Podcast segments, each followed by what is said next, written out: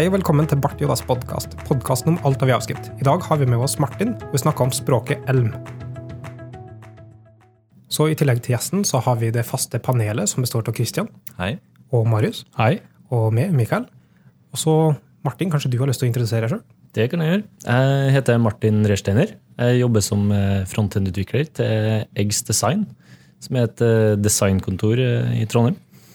Jeg jobber hovedsakelig med webutvikling, og også en del med native IOS-utvikling.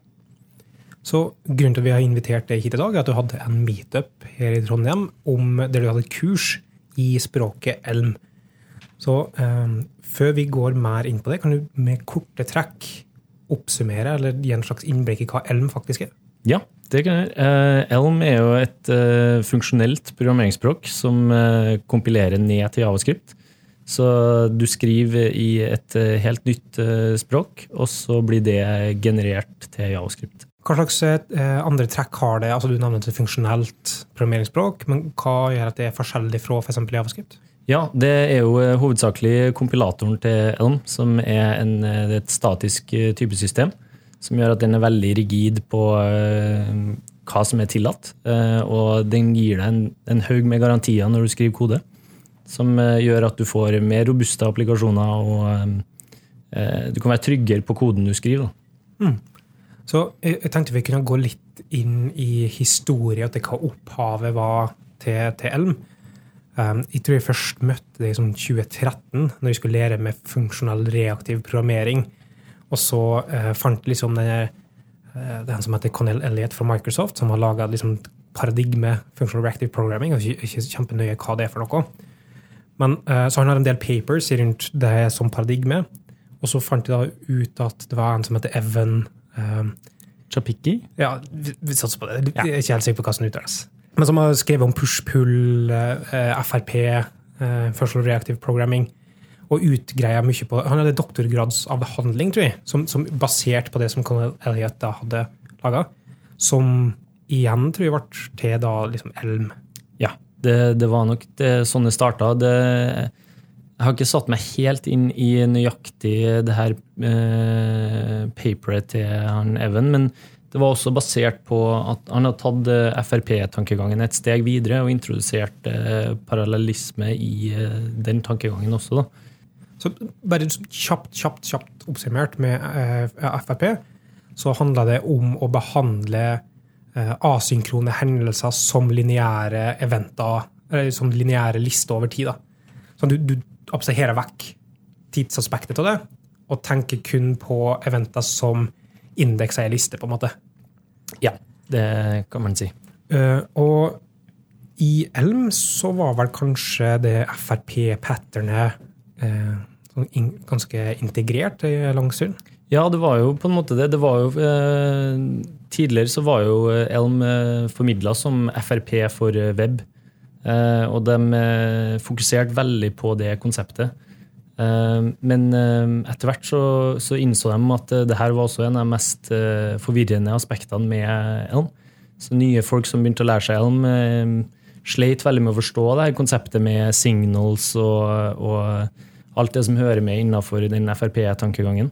Så da bestemte de seg egentlig for å, for å droppe hele det og forenkle hele den programmeringsmodellen um, til noe som um, bygger på mye av det samme, og, og i, eh, bak eh, det man eh, programmerer til daglig, så, så er det jo samme strukturen, men, men eh, det som er eksponert for eh, utvikleren, er mye mer forenkla enn enn det som var tidligere. Da. I Frp i utgangspunktet hadde du på en måte konseptet om behaviors, altså event streams, der behaviors var kontinuerlige verdier. Men så går det egentlig ikke helt an å ha kontinuerlige verdier i et digitalt system. Sant? Så det var mer en matematisk tilnærming. Ja, ikke sant. Og det var for å komme seg unna mange av de her uh, ulike edge-casene, så ble det mange forskjellige typer uh, konsepter man måtte sette seg inn i. Da. Um, så der syns jeg de har løst det veldig fint nå med, med det nyeste. Det var vel i versjon 0,17 uh, hvor de gikk bort fra Frp-tankegangen og over til det de kaller subscriptions. da. Uh, og det gikk mer på at man subscriba på ulike eventer. og, og sendt eh, kommandoer tilbake til Elm runtimen, som tok seg av eh, den handlinga du hadde lyst til å utføre. Og så fikk du et svar tilbake gjennom subscriptions. Eh, og det, det bygger på samme konseptene, men, men, hele modellen er mye mer forenkla enn det som var tidligere. Da. Men er det her eh, Elm bringer til bordet, det som er poenget med Elm? At du kan eh, håndtere asynkronitet på en bedre måte, eller hva, hva er på en måte, hvorfor ble det laga? Det var vel litt sånn det starta, så vidt jeg har skjønt, at det, det, det, skulle på en måte få Frp-tankegangen til web. da, Funksjonell programmering med Frp. Um, For prinsippet på en måte at asynkron uh, informasjon er vanskelig, vi trenger en god ja, absorpsjon på det. Ja. Og weben er full av asynkrone handlinger. Ja, det er akkurat det. Så det er jo fortsatt det problemet de prøver å løse. Men samtidig så har de gått litt bort ifra å ha det som hovedfokus. Eh, og nå er det på en måte fokuset mer på å lage et uh, alternativ til Javascript som, eh, som er enkelt å, å, komme i gang med. For Javascript det er, er svaktyper, dynamisk språk. Så det betyr at det blir ikke kompilert på noen måte. Altså Nå i moderne tid så har vi transpilering osv., men Sånn, I utgangspunktet så blir det eh, just in time-kompilert på engine. Så det, alt er dynamisk, og du kan endre det i kjøretid osv. Mens det er ikke Elm. Nei, i Elm så har du ingen kontroll over uh, runtimen, kan man si. Du, um, alt må via compileren, uh, og det er et veldig strengt uh, statisk typesystem. Så du har f.eks. ikke noe konsept av null, som gjør at i praksis så har du ingen runtime exceptions. Og, og de, sånn, når du er inne på det, jeg tror det er sånn ganske informert sagt at han som fant opp konseptet null, sa at det var den største tabbe som noe må har blitt gjort. og så ja. videre. Ikke sant. Det er, jo, eh, det er jo, et kjent quote, det at, eh, at, eh, det var en dårlig idé. Men har, alle, alle, som programmerer noe i dag, har jo på en måte blitt vant til konseptet med null. Mens i Elm så, så har de tatt mer den ML-tankegangen med å, at null er noe du eksplisitt må definere. da. Eh, så hvis noe kan være null, så må du på en måte si at det her kan være null, eller noe annet. Først Før vi går mer inn på det, kanskje du skulle forklart hva ML-tankegang i det hele tatt er? Altså hva er ML? Ja, um, eh, ML er jo en, en klasse med språk som uh, stammer fra uh, schema. ML er vel en, en sånn dialektgruppe tå, som tar en viss retning. Altså Mange språk som vi kjenner til, sånn som Java eller C-sharp eller Objektiv-C, så er det basert på C, eh, språkgruppa, og så har du LISP-språkgruppa, som Closure er basert på, og, og, og, sånne ting. Og så har du da ML, som mange andre språk er en, i en del grupper, som, som for eksempel da eh, Haskell, OCamel, F-sharp og Elm, da, som er mer typisk De, de deler syntaks, eh, liksom grunnstrukturen i syntaksen. Så litt av uh, fordelen med å ha et statisk uh, type av språk uh, bygger egentlig på det her med å gi deg garantier. Da. Så du kan ha en viss trygghet med at koden, koden, du kjører, ikke kommer til å feile når du kjører den i runtime. Og du har også en viss trygghet i at du kan garantere at du har håndtert alle de ulike casene som er mulig. Da. Det kalles ofte sånn exhaustiveness i språket. Ja. Yes. Og der er Elm veldig rigid, da, hvis du på en måte definerer at denne funksjonen kan ta imot eh, en type av, som inneholder de her forskjellige undertypene, så, så, er du nødt til å håndtere alle de eh, forskjellige casene hvis du skal få koden din til å kompilere i det hele tatt. Så for at programmet skal eh, kunne kompileres, så er du nødt til å håndtere alle, alle edge-caser. Det gjelder jo sånne ting som feilmeldinger eller eh, ja, Feilmeldinger eller eh, håndtering av null, som du sa. Det, ja. det, kan ikke være null, men det er en optional som sier at den her kan eller kan ikke ha verdi, så du må faktisk sjekke om den har en verdi for å kunne bruke det, osv. Hvis jeg har forstått det rett, eller hvis vi prøver å oppsummere hva slags egenskaper det har som det Javascript ikke bringer til bordet, så er det statisk type, som betyr at alt skal være kontrollert og statisk analyserbart sånn at det ikke er noe dynamikk i det. Så det du har skrevet, er det som på en måte er håndtert. Du har ingen null, som gjør at du kan aldri gå på en sånn null pointer eller null reference exception eller en undefined is not a function-type feil, som er erfaringsmessig 90% av alle feil du møter på i produksjon med mange språk. Det er bare noen som har glemt å sjekke om ting kan være null eller ikke. I tillegg så er ting eh, Du har kanskje ikke snakka om det, men ting er immutabelt. Ja, så alt i Elm er immutable, som vil si at eh, du kan ikke redigere et objekt i Elm. I Elm så kaller de det records, men man kan på en måte se på det som det samme som et uh, objekt i Javascript, bare uten alt det ekstra. Da. Du har ikke muligheten til å redigere noen av propertiesen. Du må lage et nytt objekt som inneholder de endringene du vil ha. Da. Så det du får, er et system som du utvikler som du kan være mye mer sjølsikker på. Ja, ikke sant. Alt det her kommer tilbake til med å ha garantier på at du vet at noen aldri kan komme og noen andre kan redigere det her objektet mens du bruker det i en annen plass, eller sånne ting. Da. Så alt bygger på en måte det med å ha garantier i den koden man skriver. Er, ok, så Det høres, høres bra ut, sant? Du, du, får et feilfritt system, er det du ser den. Ja. Men hva er kostnaden for det? Hva, altså, hva, det kan vel ikke være nødvendigvis gratis? Nei, det er jo ikke det. Det er jo veldig mye compile eh, errors, da. Det må man jo si. Det, det føles litt sånn eh, i Elm at når du skriver kode, så er det eneste du gjør, egentlig å fikse feilmeldinger. Um, så det føles litt tungvint noen ganger. Du uh, må på en måte endre mindsetet ditt litt fra når man skriver f.eks. kode i Javascript eller Python eller hva som helst, så er man veldig vant til å se et resultat med en gang.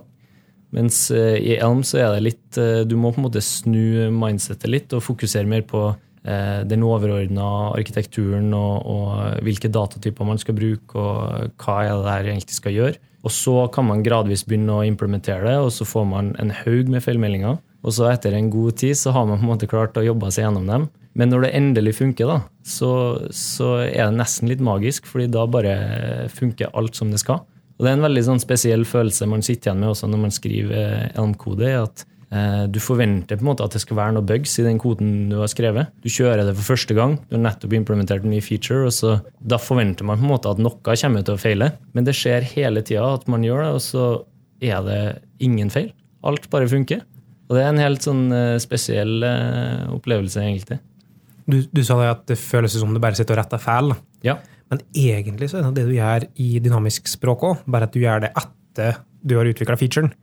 Og så skjer det en feil, så fikser jeg den, og så skjer det en ny feil, og så fikser jeg den, og så skjer det en ny feil. Altså, konseptet er det samme, bare at du foregår kanskje i andre tidsforløp under utviklinga? Ja, det er akkurat det. Og det er litt eh, man, Hvis man ser på tidsperspektivet, da, så kan du jo sjøl tenke på hvor lang tid man bruker på å fikse en, en feil som har vært ute i production, og prøve å tracke ned den bugen. Hvor kommer denne eh, feilen fra? Sånne ting bruker man jo utrolig mye tid på. Hvis du sammenligner det med å bruke litt ekstra tid up front på å fikse compilers, så er det egentlig mye mer effektivt å skrive kode i et statisk type av språk. da. Men det er kanskje ukjent for mange, og i hvert fall hvis du ikke har vært borti noe ML-språk, så kan det være litt eh, ukjent. Og, og, både Christian og du, Marius, var på workshop med Martin. Det stemmer. Jeg, jeg syns det er litt eh, artig det du sier om det med at no, på hvilket tidspunkt man, man retter feilen. da. For at uh, vi fikk jo hands on erfaring med Elm på den workshopen som du hadde laga. Og der var det veldig gode tilbakemeldinger på feiler du klarer å produsere. da. Men sånn som i for vanlig tradisjonell javascript, så sitter du gjerne og leter litt, eh, og debugger deretter. Eh, mens med Elm så fikk du veldig konkret tilbakemelding på at det her er det du har gjort feil, og du kan mest sannsynligvis rette det på denne og denne måten. Det er, mye, det er noe de har jobba mye med. Feilmeldinga eller responsen tilbake til brukeren i kompilatoren. Og når det først kom altså Det kom sikkert tidligere enn 2013, men når jeg testa ut først i 2013, så var det ikke den feilmeldinga der i det hele tatt. Det var mye høyere terskel å starte med. Så jeg tror liksom, mye av den tida i mellomtida har brukt til å gjøre det til mye mer sånn human eh, accessible, altså mye mer tilgjengeliggjort plattform. da. Definitivt. Og jeg tror det er det som en måte har gjort at eh, Elm begynner å få litt, eh, litt popularitet. er at det de fokuserer veldig mye på brukervennlighet. Og Den type språk har på en måte tidligere hatt en veldig høy terskel for å komme i gang. Eh, og det er veldig mye pga. sånne ting som feilmeldinger, og, eh, og, også veldig mye innenfor andre konsepter. Hva skal til for å så, så, Hvis du er interessert i å bruke det, hva skal til for å sette i gang? Er det mye Nei, Det er veldig enkelt. Eh, det, jo, det enkleste er jo egentlig å gå inn på eh, elm-lang.org, eh, hvor du kan bare begynne å skrive i nettleseren din, og så kompilere den der, og så får du resultatet ut med en gang. Da. Så hvis man bare vil prøve det ut, så er det definitivt det enkleste. Det funker bra til å lære seg språket, på en måte? Ja, ikke sant. Og det får compilers og alt, alt det man forventer, får du da i nettleseren.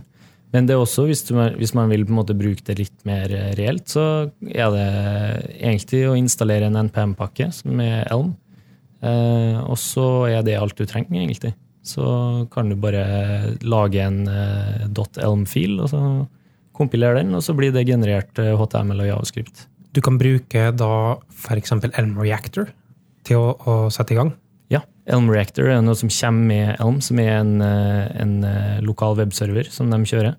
Som setter opp alt for deg, så du trenger ikke å sette opp noe med webpack. eller noe som helst. Du bare kjører Elm Reactor, og så lytter den på endringer når du skriver kode. Hva med, hva med andre verktøy? Altså, mange er vant til å bruke ideer, eller bruke sånne ting for å få code completion, eller for type håndtering osv.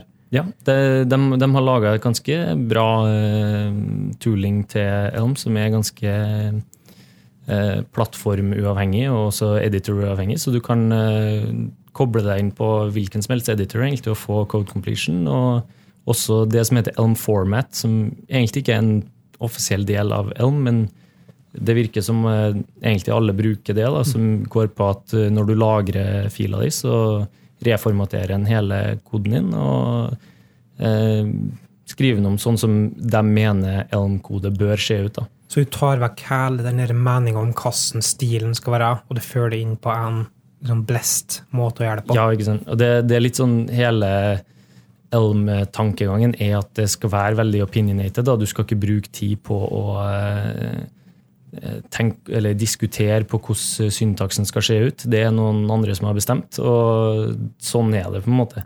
Og Det kan være både frustrerende og, og frigjørende, kan man si. da. Hva slags konsekvenser kan det få? Nei, det er jo, han Evan har jo ganske mye makt. Da. Han er jo på en måte diktatoren som sitter på toppen og bestemmer alt. Så hvis man er uenig i, i de beslutningene som tas, så har man på en måte ikke så mye man skulle ha sagt. da. Men kan ikke det i mange tilfeller være positivt i, i sin forstand? da? Uh, det er noe positivt helt til du er uenig, da. Jo, ikke sant, men, men det her er jo et nytt språk, på en måte.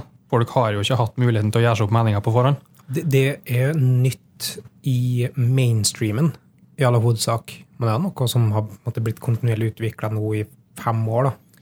Ja, Det man også ser, er jo at det er mange som kommer fra Haskell, som er veldig misfornøyd med Elm fordi det er for lite Eh, likt Haskell. Det, det, er gjort det forenkla for mye, og det støtter på en måte ikke konsepter som eksisterer i Haskell. Eh, så det er jo mange som er uenig i at eh, Elm på en måte har tatt de rette beslutningene. Men, men, de står veldig fast på det her med at det skal være enkelt å bruke og enkelt å komme i gang. Altså det, det, det, er veldig positivt hvis man kommer fra andre sida, hvis man kommer fra javascript-sida. Så, så, tror jeg de fleste syns det er veldig behagelig å, å komme til en verden Spesielt i Javascript, hvor det er ganske kaotisk til tider, så har Elm klart å lage en, en, verden som er veldig definert. Da. Sånn skal det være. på en måte. Hvis jeg skal ta i bruk eh, Elm, da, betyr det at jeg må kaste alt av javascripten min på sjøen? Kan jeg bruke noe Angular 2 eller noe grafbibliotek eller et eller annet å, som ja. finnes i javascript-verdenen? Så du, du, kan uh, interagere med Javascript uh, via Elm, og det er også fullt mulig å bruke uh, Elm som en del av en eksisterende kodebase. Så la oss si at du har en liten del av applikasjonen din som krever de garantiene som Elm kan tilby, eller performancen som Elm kan tilby. Så, så kan man velge å bruke Elm i kun det ene tilfellet. så det er absolutt mulig, det. altså. Hvis du da har tredje, tilgang til tredjepartsbiblioteker fra Javascript som ikke har den statiske typinga, eller du skal kalle på et restapi, da er det jo ikke garantert at det du får tilbake, er det du egentlig forventer. Hvordan greier du å skrive det rundt det og forhindre runtime-feil? Ja, det er jo der eh, Elm eh, kan noen ganger virke litt tungvint, men igjen så handler det om det med garantier. så Da må man skrive eh, kontrakter mellom eh, det du skal kommunisere med, og, og eh, Elm. Så du i f.eks. et eh, web-API-kall så har du en Jason decoder som du må skrive. Så du må skrive på en måte, det her er formatet jeg forventer å få Jason-en på. Og hvis den ikke matcher det, så produserer den en, en feilmelding som du også da er nødt til å håndtere pga. compileren. Mm. Eh, så du er nødt til å eksplisitt da, skrive eh, hva du forventer. Og det gjelder også hvis du skal kommunisere med Javascript. Så kan du ikke kalle Javascript direkte. Du er nødt til å skrive det de kaller ports, for, som definerer en, en spesifikk kontrakt over hva som er mulig å få inn.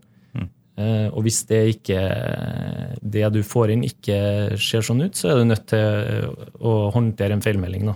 Det er nå ikke heller unikt for, for Elm, men du har nå samme problematikken i ting som F-sharp og C-sharp-portaler, der du òg kan gå over til fra et språk som, som har null, for eksempel, til et språk som ikke har null, som du må håndtere. Men det handler om å abstrahere vekk de interaksjonspunktene ute i sidene og, og eksplisitt håndtere dem. da. Ja, og det er, jo, det er jo der kanskje Elm eh, ikke alltid er så godt egna. Hvis du krever veldig mye eh, kommunikasjon direkte med Javascript, så, så kan det hende at Elm ikke er det beste valget, fordi du er da nødt til å bruke veldig mye tid på å skrive sånne porter for å kommunisere utad. da. Du snakka litt eh, om, om um, at det var diktatur, på en måte. da. Ja. Altså, jeg, jeg tenker litt på det med kostnaden av det, eller potensielle fallgruver. da. For at du, det blir en flaskehals at du må helle tritt med det som du skal kunne porte. For eksempel, altså, det som skjer i webland, det skjer ganske mye med web-API-er, ting som håndteres der. Og det er ikke sikkert at et språk der alt må gå gjennom én komité eller gå, gjennom én person, og ikke det er et åpen, um, løsning på det, klarer å holde tritt med den typen utvikling.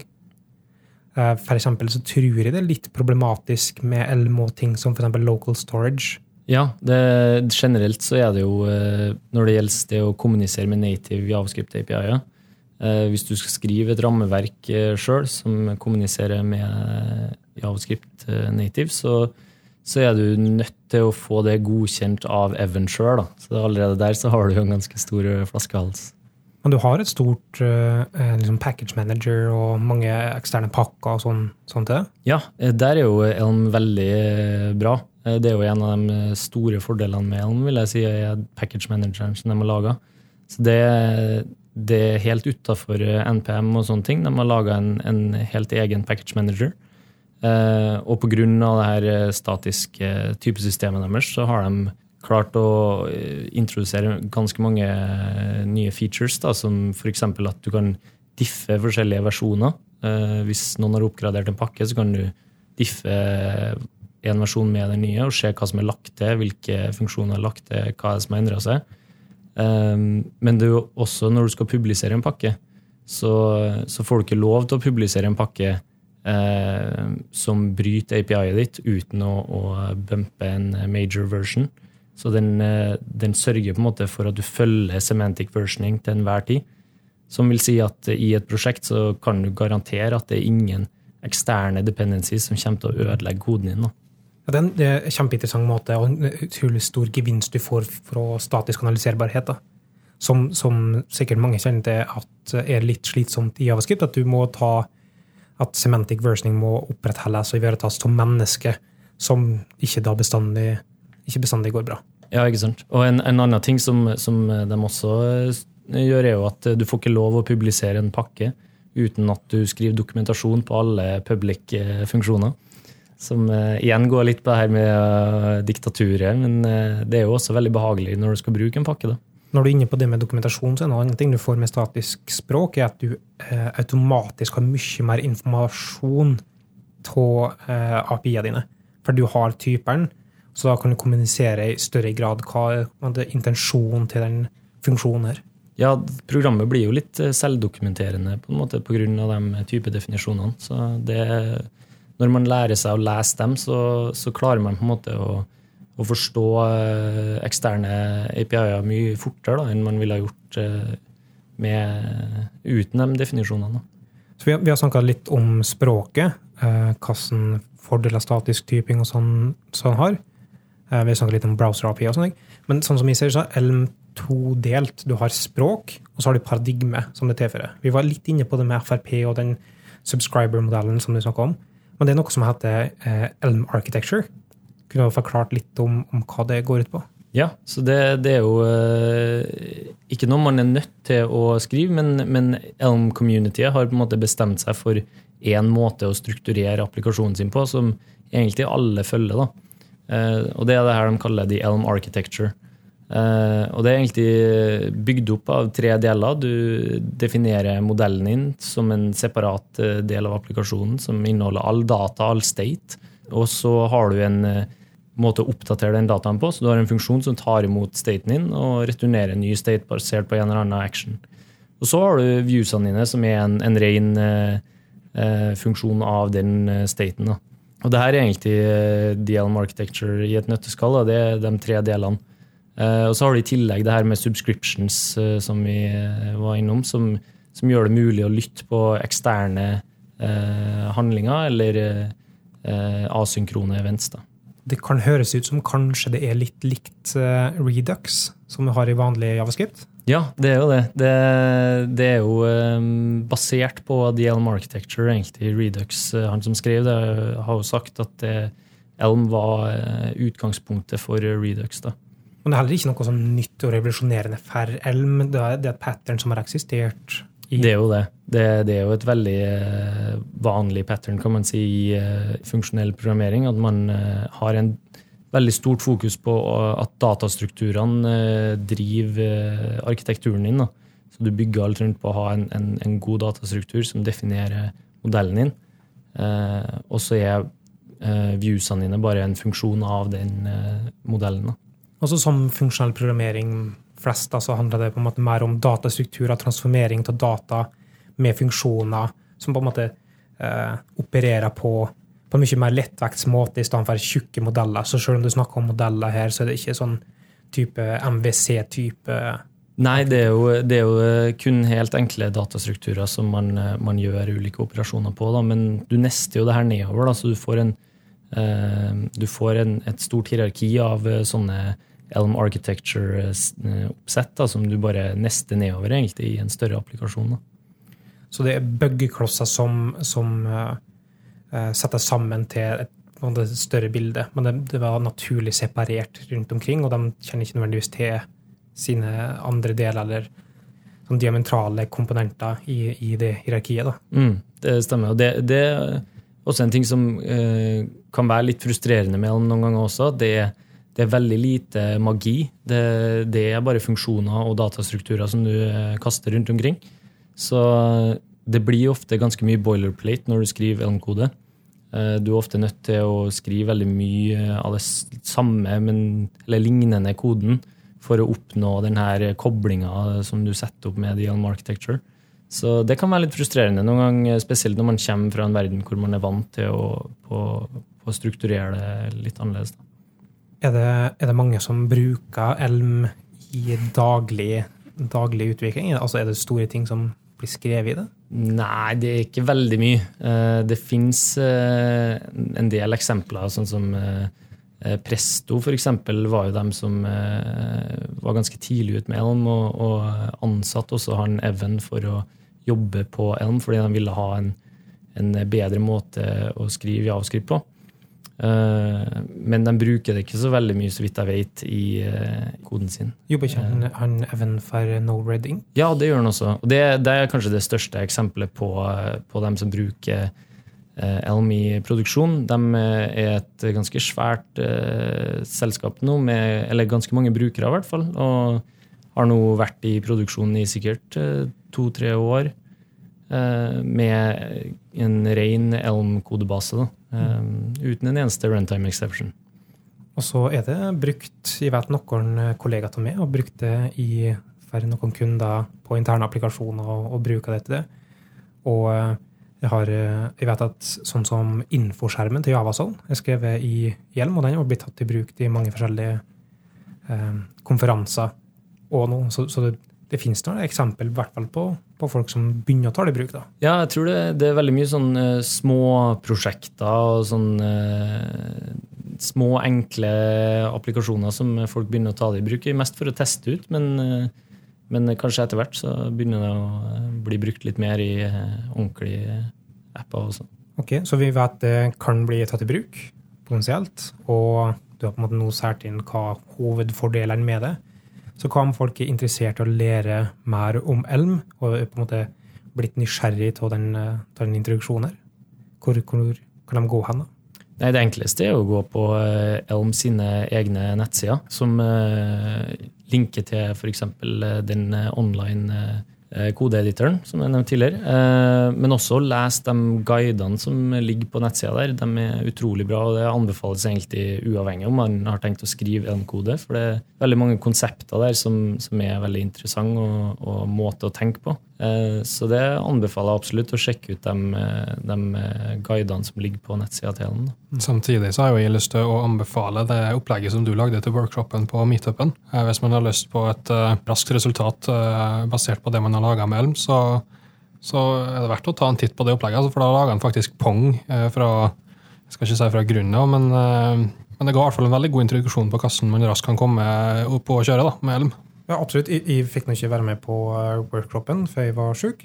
Men jeg satt hjemme og tok opplegget eh, sjøl, og det var helt, helt uh, perfekt å kunne gå gjennom det på egen hånd uten noe veiledning. Så det funka ypperlig. Uh, det ligger lenke til det i, i notatene på bartidas.io. Eh, I tillegg, Vi har snakka om eh, nesten føles som hver episode, men eh, egghead.io har òg et par eh, eh, videoer om, om elm. Eh, og så er det noe som heter Daily Drip, tror jeg, som har noen elmvideoer. Sånne korte, små elmvideoer for å bli introdusert til det. Så vet jeg at han en, en som heter Richard, tror jeg, fra No Red Ink, altså firmaet der han, han Evan hva var Chapiki, ja, jeg. er litt usikker. Eh, som, som jobber, eh, har et kurs på Frontend Masters som, som, det går an å sjekke ut. Ja, Han har også skrevet en bok som heter Elm in Action, som er veldig bra. Den er ikke ferdig, da, så du Nei. må på en måte lese et... men, men, den ligger ute eh, ja, det er vel De fire første kapitlene tror jeg er ferdig. Bok på Early Access, altså? Ja, det har revolusjonert. Det er en diskusjon i seg sjøl, men det er, det er, jeg, syns det er en positiv. Jeg er positiv. Jeg tror det var det vi rakk å snakke om for, eh, for dem. Eh, en interessant samtale, interessant språk. Definitivt verdt å sjekke ut eh, for dem som er interessert i det. I hvert fall, og bare Hvis du har lyst til å sjekke ut mer ML-type språk, så er det en god sånn menneskelig måte å, å, komme i gang på det. Ja, jeg tror det er en veldig bra ting å, å sjekke ut bare for å uh, bli kjent med litt andre konsepter og andre måter å tenke på. Det er ikke nødvendigvis det at man trenger å bruke det i uh, eksisterende prosjekter, men litt det med bare å utfordre seg sjøl på hvordan man strukturerer kode, hvordan man skriver kode og sånne ting. Ja, er det noe lærdom du kan ta tilbake til f.eks. Javascript? Ja, det er det absolutt. Ehm, det er jo eh, Sånn som Redux for eksempel, er jo et veldig godt eksempel på det. Ehm, men også ting som har med typesikkerhet og sånne ting å gjøre. så er jo TypeScript med TypeScript 2 har jo kommet veldig langt eh, og har sånne ting som union types, eh, som er en, en ting man bruker veldig mye i Elm. Som gjør at man kan få en del eh, kompilatormeldinger når man f.eks. ikke håndterer alle caser og sånne ting. Og det er litt med det å bli vant med Hvis man blir vant til compileren til Elm, så får man veldig lyst til på å få det samme i Avskript. Og med TypeScript eh, så begynner det å bli ganske, ganske bra der òg, altså.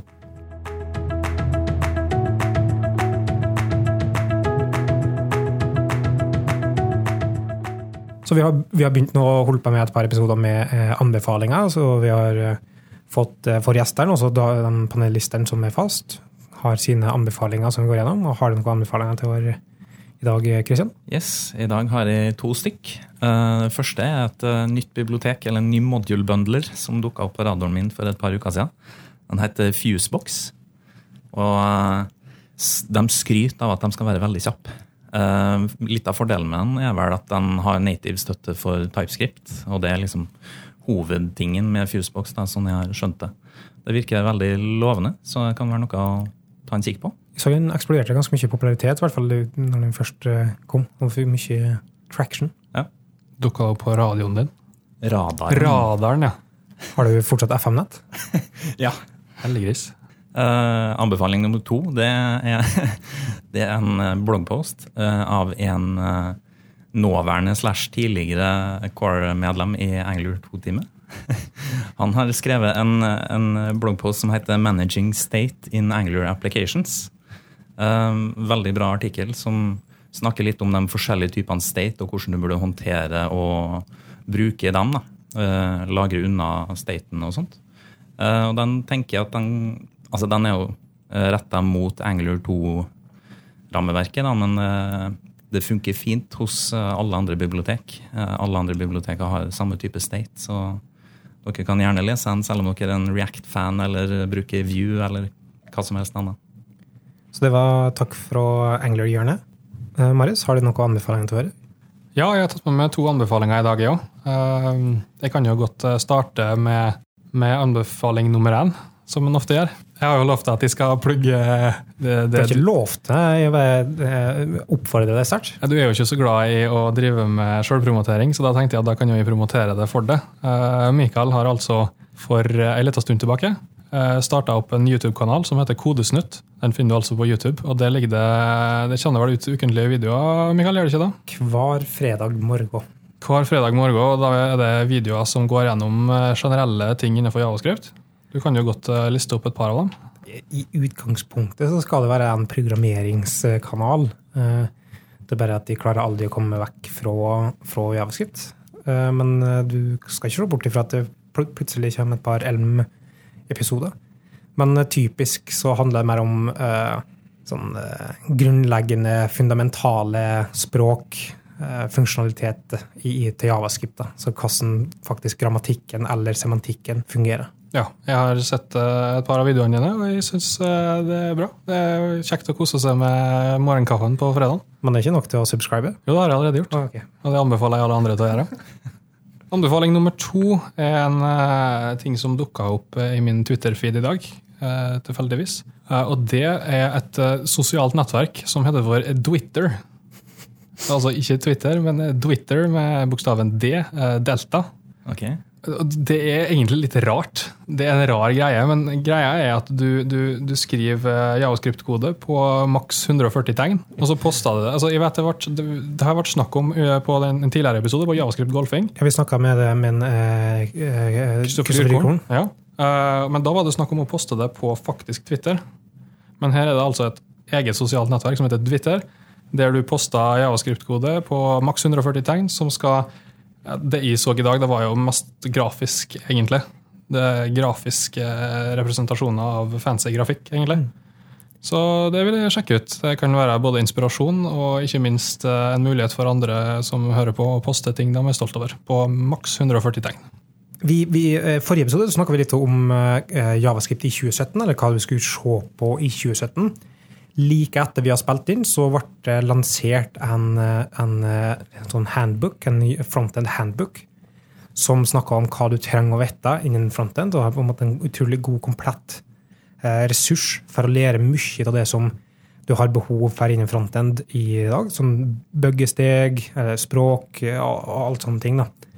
I tillegg så har de en liste over ting å se på i 2017, blant annet mye av det vi tidligere snakka om. Men hvis du har lyst til å se mer på, på det, og se andre kilder på det, så anbefaler jeg å, å sjekke, ut den, sjekke ut den boka. I tillegg så nevnte vi litt, snakka litt om, om papers i begynnelsen til episoden. Ting som eh, Evan Hva hva heter han? Chapiki. Ja, eh, eh, Evan sin eh, paper som basert på Cornel Elliot sine osv. Det er mye gode forskjellige sånne papers å lese for å skjønne grunnleggende konsepter eller paradigmer eller ting som, som eh, abstraksjoner som vi bruker til det daglige, baserer seg på. Da. Og da er en ting som heter Papers We Love, som er en sånn samling av eh, forskjellige papir, altså vitenskapelige artikler, som, som en kan lese og, få godt innblikk i, og dele, dele ting som en, som en liker å lese. Eh, Martin, har du noen anbefalinger? Det har jeg. Eh, Det første jeg egentlig vil anbefale, er en eh, talk som, eh, som jeg oppdaga for ganske lang tid tilbake, men som må være en av de bedre talksene jeg har sett, tror jeg. Det er en som heter Simple Made Easy av Rich Hickey. Rich Hickey er da han som har laga Closure. Og det her er et foredrag da, hvor han snakker litt om forskjellen på noe som er enkelt og noe som er lett, og at det nødvendigvis ikke er det samme. Eh, og at det er viktig å bygge opp eh, programmer som består av enkle komponenter, eh, og ikke fokusere så mye på at det skal være enkelt. eh, I den forstand at enkel og ja. På norsk så er det ikke enkelt å skjønne, men, men du, har, du har nærliggenhet og enkelhet. ja, jeg tror det er et bedre ord. egentlig. Um, og ekstremt god talk. Han har mange forskjellige versjoner på det. Men Rich Hickey i utgangspunktet er bare ta en vilkårlig, vilkårlig presentasjon og se på det og nyte det. Ekstremt, ekstremt eh, dyktig. Ja, absolutt. Det er veldig mye bra som han har eh, hatt foredrag om. Eh, andre tingen jeg vil anbefale, er å sjekke ut eh, noe som heter EVE. Som er et eh, programmeringsspråk slash miljø som eh, har på en måte satt seg som visjon å eh, reintrodusere programmering til mennesker. Eh, hvor det skal være fokus på at det her skal være eh, lesbart for mennesker, og det skal eh, være eh, ja, en ny måte å programmere på. Da. Eh, jeg har ikke rukket å eh, lage noe konkret med det sjøl, men leka litt med det og syns det var en utrolig eh, artig tanke. Eh, det er samme fyren som tidligere har laga Lighttable-editoren, eh, som også var et sånt prosjekt som skulle eh, gjøre teksteditorer eh, bedre. Da. Mens nå har de på en måte satt seg en ny visjon og gjøre programmering eh, enda bedre. Supert. Tusen takk. Og takk for at du kom og snakka om Elm. Hvis noen har spørsmål rundt eh, det du har snakka om, eller Elm generelt, har du en plass de kan kontakte deg på? Ja, det enkleste er vel Twitter. eh, Det er at rechsteiner. R-E-C-H Steiner. Og så kan vi gå på bartidas.io, så har vi oversikt over Twitter eh, der. Christian, Kristian, hvis noen har lyst til å stille spørsmål om Angular. Da er, da er det ett Larifax på Twitter. Og Marius, eh, noen spørsmål om Bartidas eller produksjonen rundt Bartidas eller generelt? Da når du meg enklest på Twitter på attkrakels. Og meg kan du stille spørsmål til med at Mikael Brevik, eller så kan du sende en eh, melding til at underscore bartjodas. Husk også at vi har en Slack-team der du kan kontakte eller chatte med mange andre som er interessert i javascript på slack.partitas.io. Takk for at du hørte på. Så høres vi i neste episode.